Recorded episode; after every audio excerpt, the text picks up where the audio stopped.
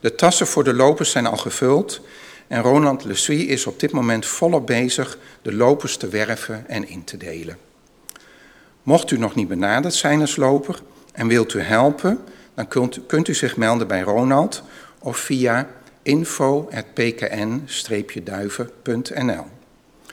U krijgt dan van ons nadere informatie over hoe u op een veilige manier kunt zorgen dat ieder gemeentelid de informatie krijgt voor actiekerkbalans. Tweede mededeling is hoe het vorig jaar is verlopen met de actiekerkbalans. De opbrengst was toen bijna 74.000 euro. En dat was ongeveer 2000 euro lager als in 2020. Voor dit jaar staat 72.000 euro in de begroting. Ik hoop dan ook van ganse harte dat de begroting het dit jaar niet bij het rechte eind heeft en dat uw bijdrage richting de 75.000 euro of meer gaan. Een stijging van uw bijdrage is nodig om de stijgende kosten te kunnen betalen en om zo het tekort wat we toch hebben zo klein mogelijk te houden. U begrijpt dat we dit geld nodig hebben. En naast nieuwe bronnen van inkomsten is de actie Kerkbalans daarom belangrijker dan ooit. En dan tot slot mijn laatste mededeling. Morgen start de derde week waarin jonge vluchtelingen door de weeks hier in dit kerkgebouw les krijgen van de ROC Rijn-IJssel. Met elkaar hebben wij dit mogelijk gemaakt in een korte tijd.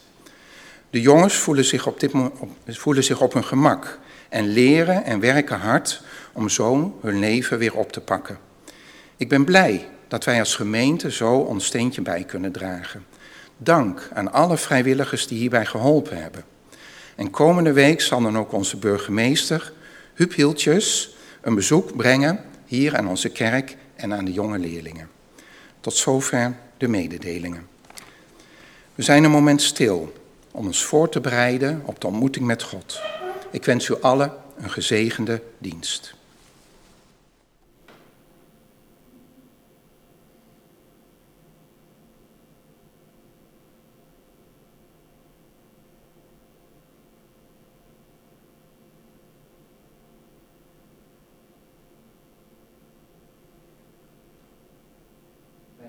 Samen, ingetogen, maar vanuit ons hart, lied 405, de versen 1 tot en met 4.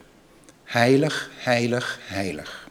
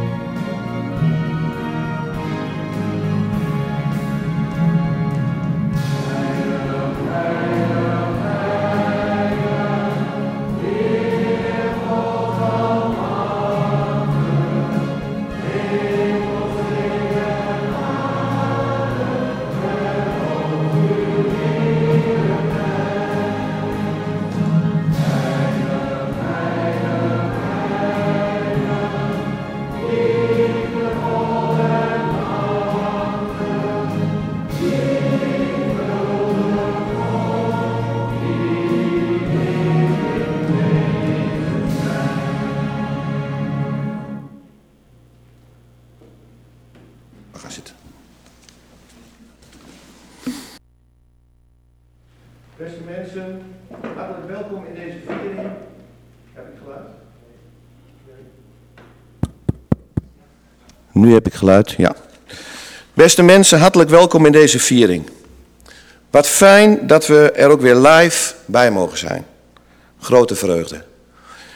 Maar voordat we verder gaan, wil ik eerst met het grootste respect de naam uitspreken van Greet Zelstra, die afgelopen woensdag, zoals ze het zelf zei, naar de Heer Jezus is gegaan. Sommigen van u kennen haar al heel lang. Ik mocht de laatste maanden bij haar en bij haar lieve man Riekes op bezoek komen. En direct al vanaf het eerste moment vond ik haar een ongelooflijke lieve vrouw. Met een enorm groot hart. En nu is zij bij onze Hemelse Vader. Zij was voor mij het, een voorbeeld van verdraagzaamheid. En wat was het fijn om haar en haar man samen met Jolande te mogen zegenen met de liefde en de kracht van onze Heer. Op de kaart staat: Ik ben nu in een wereld waar vrede is en geen pijn of verdriet. En onze gedachten zijn gaan heel erg uit naar Riekes. Op Facebook stond gisteren een noodkreet, dus laten we hem alsjeblieft niet vergeten. Vanmiddag kunt u vanaf 4 uur tot kwart voor vier afscheid nemen hier in het uitvaartcentrum te Duiven.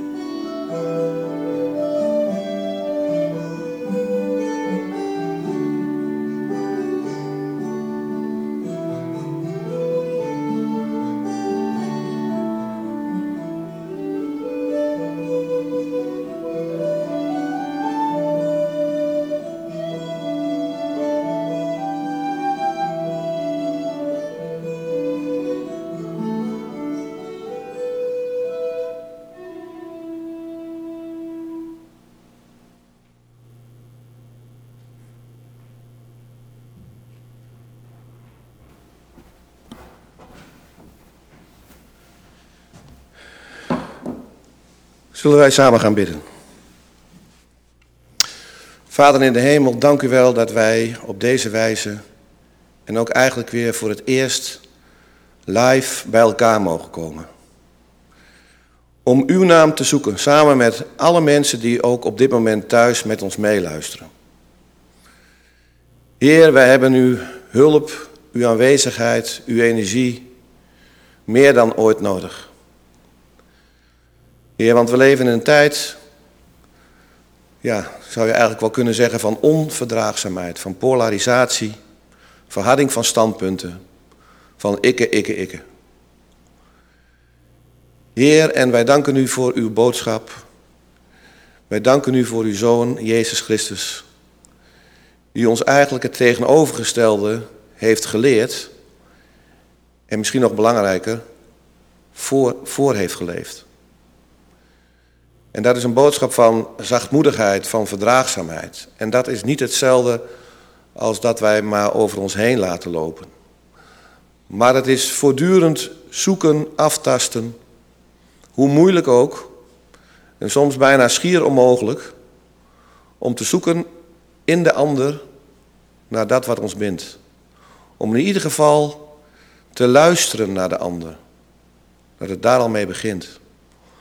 Heer, dank u wel dat u, waar wij ook gaan of staan, wat wij ook denken of doen, altijd bij ons bent. Ons altijd en overal doorheen draagt. Met uw liefde en met uw trouw. En dat is toch wel een hele grote troost. En daarom vragen wij u, voordat wij verder gaan, Heer, ontfermt u zich over ons. Wees bij ons deze dienst. Dit bid ik u om Jezus wil. Amen. We gaan kijken en luisteren en misschien is het ook mooi om mee te zingen naar dat geweldige lied, een van mijn favoriete liederen. Uh, ik zal er zijn van Sela.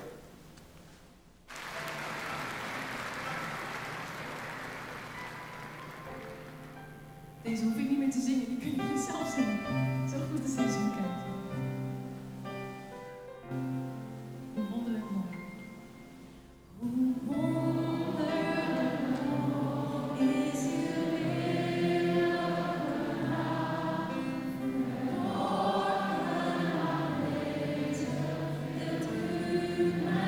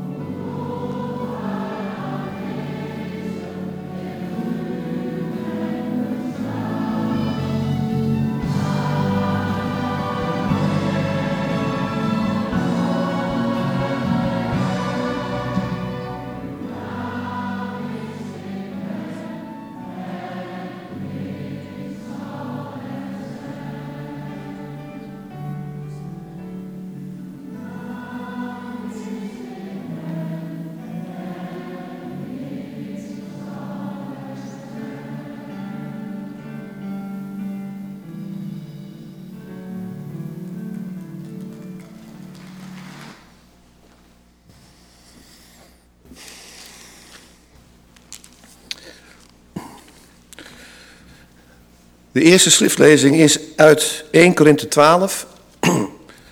En is wel mooi, want ik ga verder waar Jolande vorige week is gestopt. Hoe mooi is dat? Dan uh, vanaf vers 12.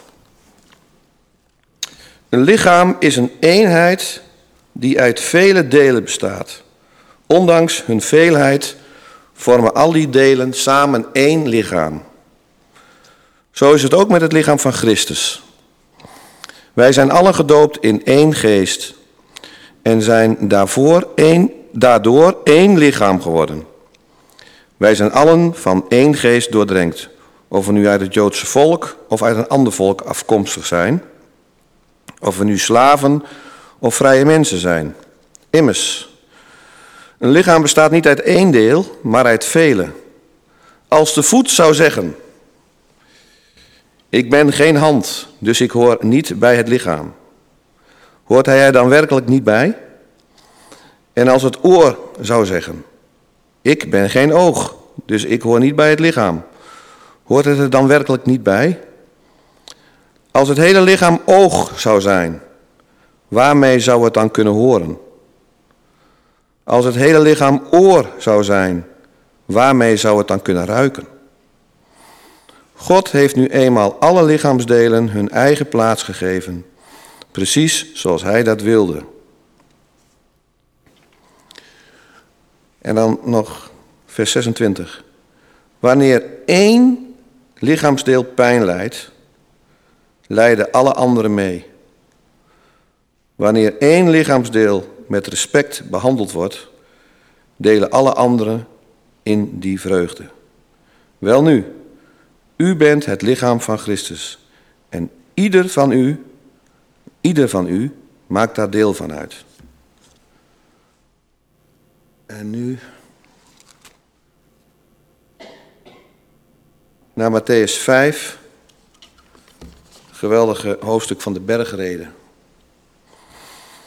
Toen hij de mensenmassa zag, ging hij de berg op. Daar ging hij zitten met zijn leerlingen om zich heen. hij nam het woord en onderrichtte hen. Gelukkig wie nederig van hart zijn, want voor hen is het koninkrijk van de hemel. Gelukkig de treurenden, want zij zullen getroost worden. Gelukkig de zachtmoedigen, want zij zullen het land bezitten. Gelukkig wie hongeren en dorsten naar gerechtigheid, want zij zullen verzadigd worden. Gelukkig de barmhartigen, want zij zullen barmhartigheid ondervinden. Gelukkig wie zuiver van hart zijn, want zij zullen God zien. Gelukkig de vredestichters, want zij zullen kinderen van God genoemd worden. Gelukkig wie vanwege de gerechtigheid vervolgd worden, want voor hen is het koninkrijk van de hemel. Tot zover de schriftlezing. We gaan nu luisteren en eventueel meezingen met een heel mooi lied, weer van Sela, Geef vrede. En het begint met ongeveer twee minuten instrumentale inleiding. Echt zo'n muziek waar je gewoon even goed tot bezinning kan komen. En dan samen twee coupletten doen ze. Geef vrede, Heer, geef vrede. Sela. Als voorbereiding op de overdenking.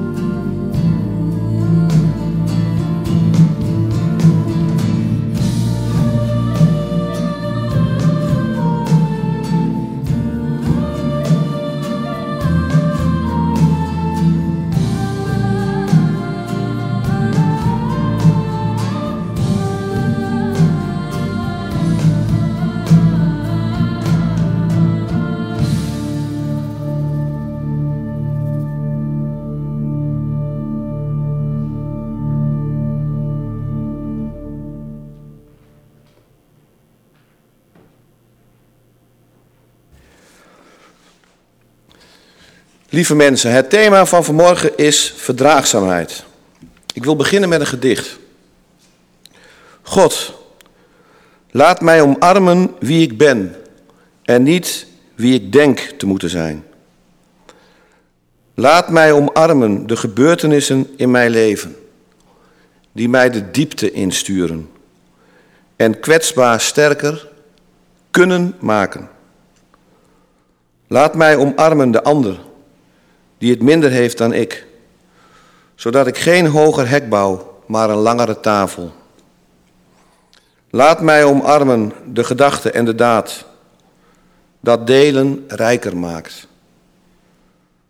Laat mij in dit alles omarmen, uw onvoorwaardelijke liefde, van waaruit ik de ander kan en mag ontmoeten. Van waaruit ik mag zien. Vooral mag zien achter dat wat ik zie. Elkaar mogen zien in de geest van verdraagzaamheid en dan samen elkaar mogen dragen. Verdraagzaamheid. Ik weet niet hoe het u vergaat, maar ik ben regelmatig met stomheid geslagen als ik de televisiebeelden bekijk. En dan zie ik gewoon het tegenovergestelde heel vaak van verdraagzaamheid. En dat je denkt van, hoe is het mogelijk? Hoe is het mogelijk? Hoe ver zijn wij gezonken?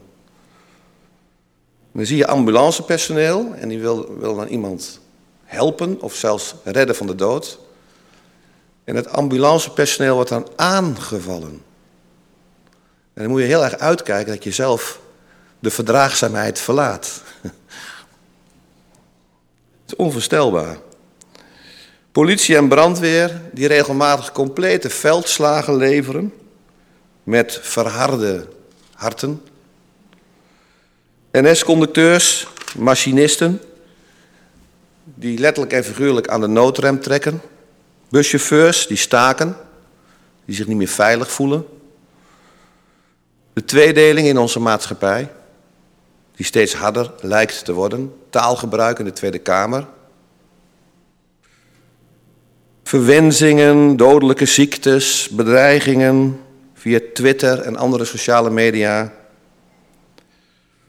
En zet daar nou eens die prachtige filosofie, leer van Jezus uit de bergreden niet tegenover, Ook niet boven, maar naast. Naast. Want we moeten ook de hand in eigen boezem steken. Want in de loop van de geschiedenis tot aan de dag van vandaag is het geloof ook vaak genoeg gebruikt als een stok om andersdenkenden de hersens in te slaan, in plaats van een stok om op te leunen. Een paar zinnen nog uit die bergreden. Geweldig mooie bergreden. Gelukkig wie nederig van hart zijn, want voor hen is het koninkrijk van de hemel. Gelukkig de barmhartigen, want zij zullen barmhartigheid ondervinden. Gelukkig de vredestichters, want zij zullen kinderen van God genoemd worden. In deze woorden waait de geest van verdraagzaamheid, waait de geest van zachtmoedigheid. En in het twaalfde hoofdstuk van de Korinthebrief waait diezelfde geest opnieuw, van mens tot mens. Van we hebben elkaar nodig. We zijn met elkaar verbonden. Wij zijn het lichaam van Christus. En een ieder heeft geen gelijke, maar wel een gelijkwaardige taak. Heel belangrijk om dat elke keer weer tegen elkaar te zeggen. De ene taak is niet belangrijker dan de andere. De ene mens, meer in beeld, dat kan, is niet belangrijker dan de andere mens, die op de achtergrond heel hard aan het werk is. Ook heel veel dingen doet die niemand ziet. God wel. En als je meer doet in de gemeente dan een ander, dan ben je niet belangrijker. Niet het vele is goed, maar het goede is veel. We hebben elkaar gewoon kei en keihard nodig. Als het hele lichaam oog zou zijn, hebben we gelezen, waarmee zou het dan kunnen horen? Mooi, mooi taalgebruik, grappig ook. Wel ernstig. En als het oor zou zeggen, ik ben geen oog. Ik hoor dus niet bij het lichaam. Want hij heeft natuurlijk zich vergeleken met het oog. Want dat doen wij mensen ook veel, hè? vergelijken met een ander. Zou het er werkelijk dan niet bij horen? Tuurlijk wel. Volgens een bekende reclame. Tuurlijk wel. Paulus schrijft deze woorden aan de gemeente te Korinthe. En dat doet hij ook niet voor niets. Want de gemeente Korinthe, dat was maar wel een gemeente. Het was opgebouwd uit verschillende sociale groeperingen, verschillende rassen ook. Er was weinig onderlinge samenhang, dus je kunt het vergelijken met vandaag. Er waren hele grote problemen. Partijschap, polarisatie, was toen ook al. Incest, seksueel misbruik. Hoe actueel kun je het nog hebben? Rechtszaken tussen gemeenteleden. Vrijheid die misbruikt werd. En ook de stad Korinthe zelf was nou niet bepaald positief stimulerend. Er was op grote schaal religieuze, religieuze prostitutie. En daar kwam dat mensen de godin Afrodite aanbaden. En in de stad waren ongeveer 650.000 inwoners. En daarvan waren er ongeveer 1000 prostituees in dienst van de godin Afrodite. En verder waren er nog slaven, armen en een hele kleine groep rijken. Het is geen wonder dat de gemeente te Korinthe met heel veel vragen zit en Paulus om raad vraagt. En een van die problemen is die van de gaven. Bijvoorbeeld, uh, dat is ook beschreven in het twaalfde hoofdstuk. Bijvoorbeeld de gave, het talent om te kunnen onderwijzen, of de gave om te kunnen profiteren, of zelfs te genezen. En vanuit de Griekse religie was het idee, binnengecijpeld in de gemeente, dat sommige gaven hoger, heb je weer hè, die vergrotende trap, hoger, belangrijker waren dan andere gaven. En dat je dan meer verenigd zou zijn met de Godheid.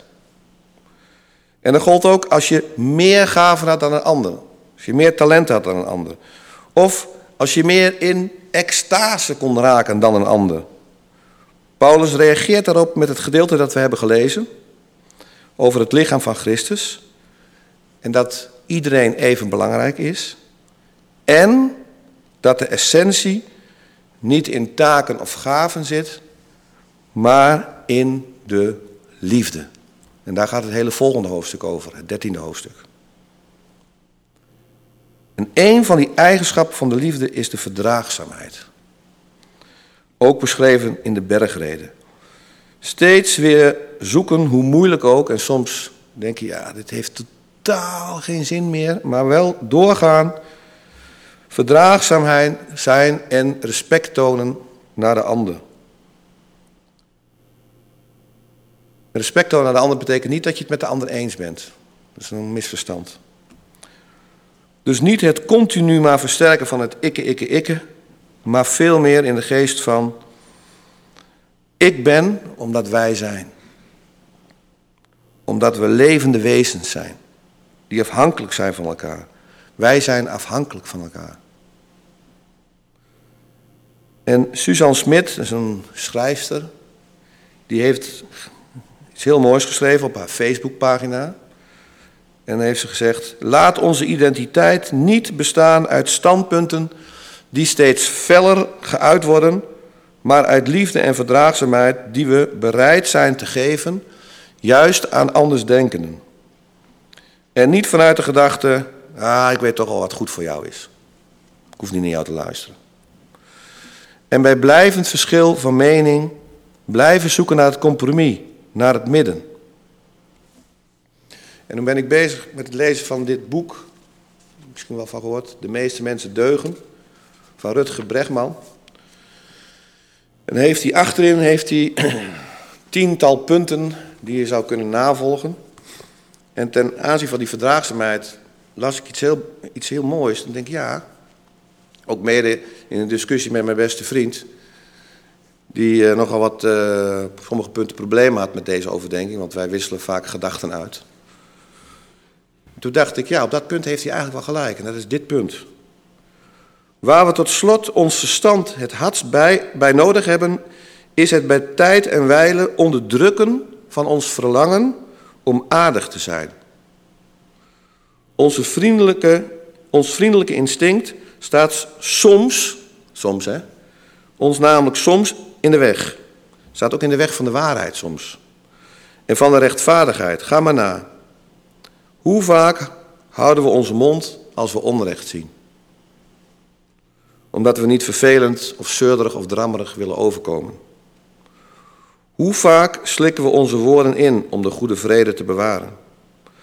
En hoe vaak zetten we mensen die hun rechten opeisen weg als zeurderige types?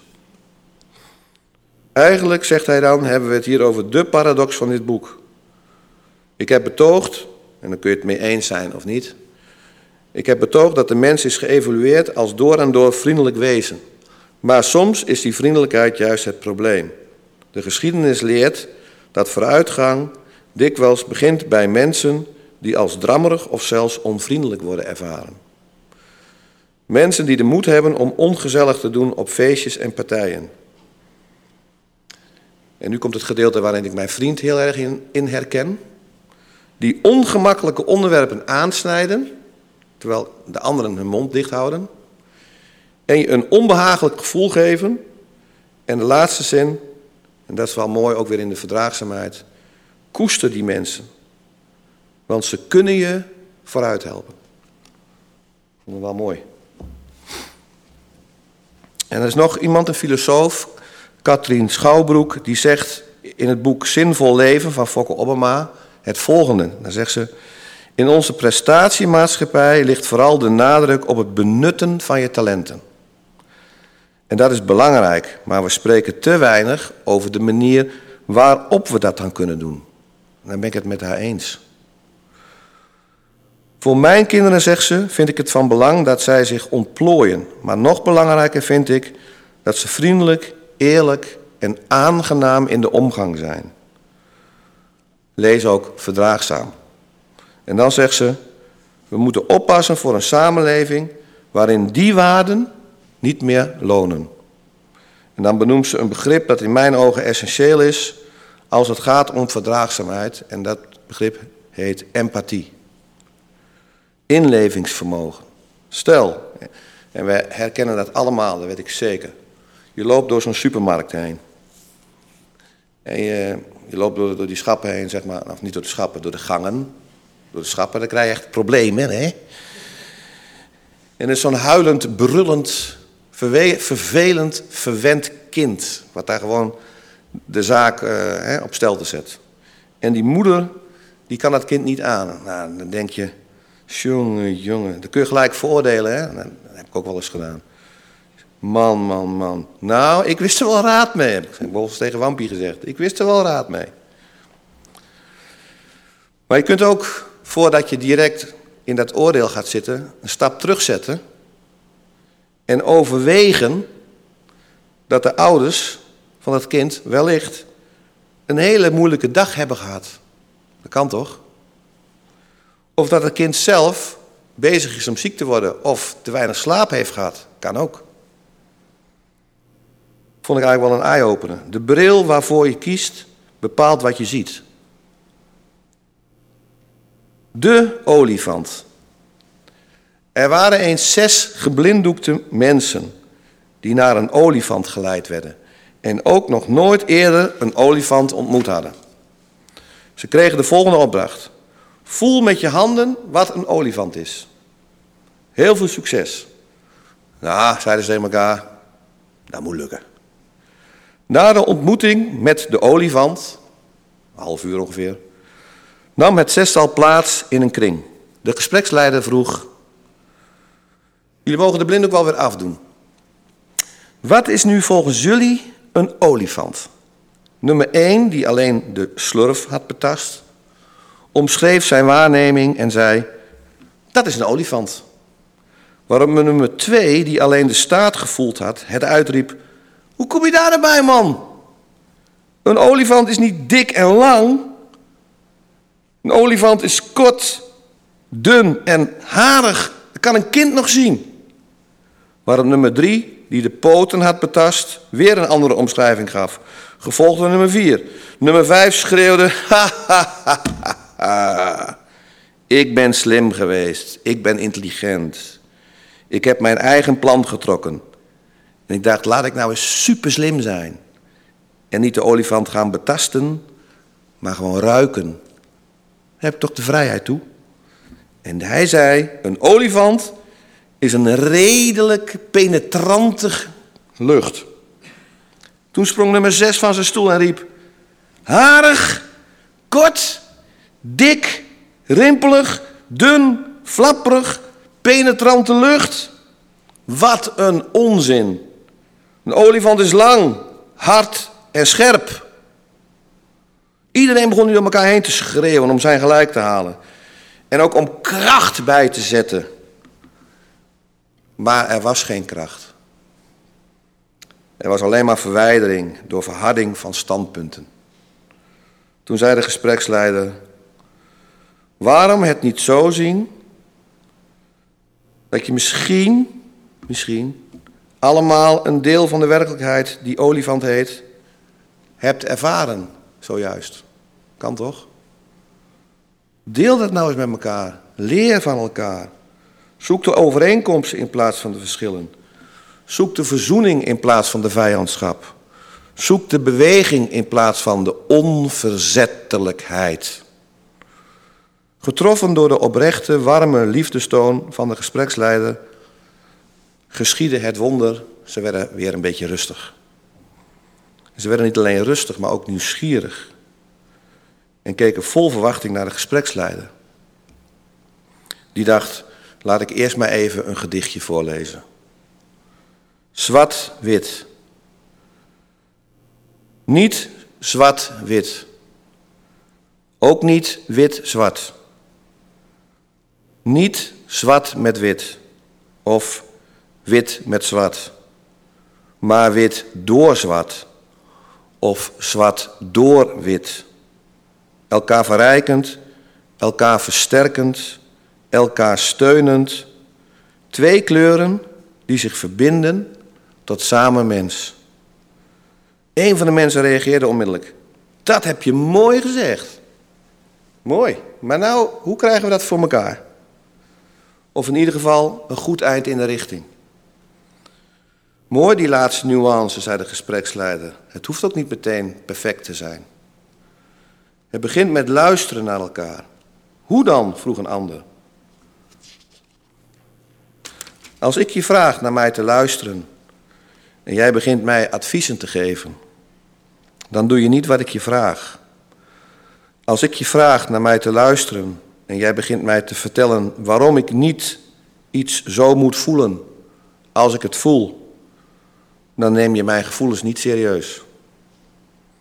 Als ik je vraag naar mij te luisteren en jij denkt dat jij iets moet doen om mijn problemen op te lossen, dan laat je mij in de steek, hoe vreemd dat ook klinkt en hoe lief ook bedoeld. Dus alsjeblieft, luister alleen maar naar me en probeer me te begrijpen. En als je wilt praten, wacht dan even. En ik beloof je dat ik op mijn beurt naar jou zal luisteren. Toen zei de gespreksleider: Probeer nu nog eens met elkaar te overleggen. En probeer daar dan eens een gedicht over te maken. Na het overleg zei de gespreksleider: Wie mag ik het woord geven? Aan ons allemaal, zeiden ze. We lezen om de beurt. We doen het samen. Toen klonken de volgende woorden. Jij zegt dit, ik zie dat. Jij redeneert, ik beleef. Jij wilt resultaat, ik zit in het proces.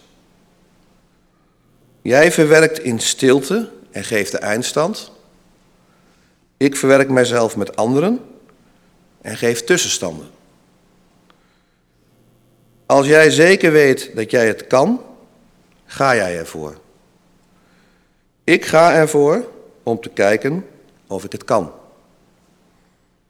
Jij draagt het verleden met je mee. Ik heb het onder het zand begraven. Laten we elkaar laten leven in de eigenwaarde. En af en toe laten we onszelf verlaten naar de ander toe, op de middenweg. Ik het water, jij de wijn of andersom, tot we dronken van geluk elkaar ontmoeten. Het kan. Op de middenweg in jou en op de middenweg in mij. En dan daarna weer liefdevol laten, het middenweg. God, laat mij omarmen, laat ons omarmen het unieke van de ander. Het unieke van mijzelf. Tot die wonderlijke, unieke kracht, uw overstijgende liefde, van het samen met verdraagzaamheid als brandstof. Amen.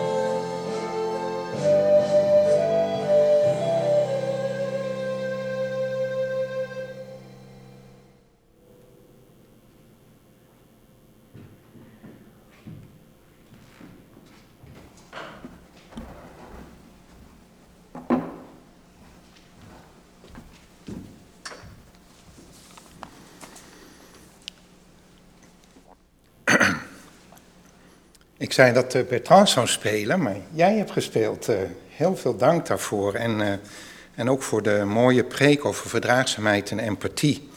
Dus dat je zoveel moois in de ander kan ontdekken. De mededelingen van de diaconie. U ziet hier twee boeketten met bloemen staan. Het eerste boeket is bestemd voor de heer Rings en mevrouw Rings Posma. Morgen, 24 januari, zijn ze 60 jaar getrouwd. Namens onze gemeente wil ik hun beiden hartelijk feliciteren. Zo lang samen het leven mogen delen, dat is iets om dankbaar voor te zijn. Het tweede boeket is bestemd voor mevrouw Polman ter bemoediging.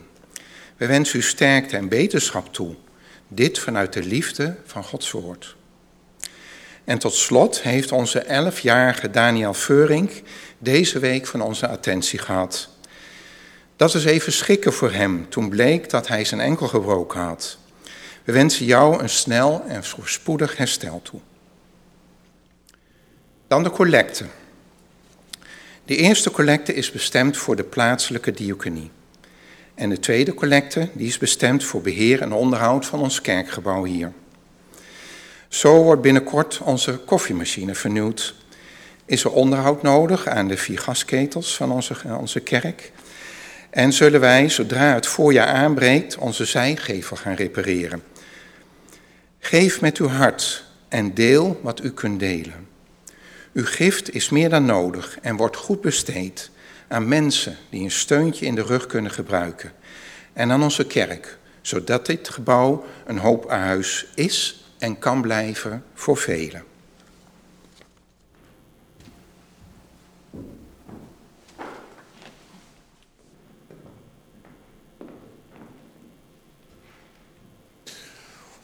Heere God, wij danken u voor deze dienst, Heer. Wij danken u dat u tot ons hebt gesproken via uw Zoon Jezus Christus in de bergreden en via het gedeelte uit de Korinthebrief. Heer, leer ons om verdraagzaam te zijn. Leer ons om de ander te begrijpen. Dat hoeft nog geen begrip te zijn, maar wel begrijpen, luisteren. Proberen ondanks alles elkaar te ontmoeten. Heer, wilt u ons daarvoor uw kracht geven, want de wereld heeft het meer dan ooit nodig. Heer, wij bidden u ook voor deze wereld. Er zijn overal spanningsvelden. Heer, wij bidden u voor de situatie in de Oekraïne. Wij bidden u voor gebieden in de wereld waar de tsunami heeft huisgehouden. Waar het gewoon allemaal in puin ligt. Heer, en in het bijzonder bidden wij u voor Riekes. Die helemaal alleen achter is gebleven. Hij wist dat het moment zou gaan gebeuren, maar nu is het heel zwaar. Laten wij als gemeente om hem heen gaan staan. Heer, zo komen wij tot u, omdat we niemand anders weten tot wie wij ons zouden kunnen wenden. En wij vragen u, blijf bij ons, ook deze dag en de, en de komende week. Inspireer ons. Geef ons ogen om de ander werkelijk te zien. Heer, en nu gaan we ons verenigen, omdat we elkaar nodig hebben in het gebed dat u ons hebt geleerd. Door te bidden, onze Vader, die in de hemel zijt. Uw naam worden geheiligd. Uw koninkrijk komen. Uw wil geschieden. Op aarde zoals in de hemel. Geef ons heden ons dagelijks brood. En vergeef ons onze schulden. Zoals ook wij onze schuldenaars vergeven. En leid ons niet in verzoeking. Maar verlos ons van de boze. Want van u is het koninkrijk. En de kracht. En de heerlijkheid. Tot in eeuwigheid. Amen. Wij gaan staande zingen met elkaar. Ga met God en Hij zal met u zijn.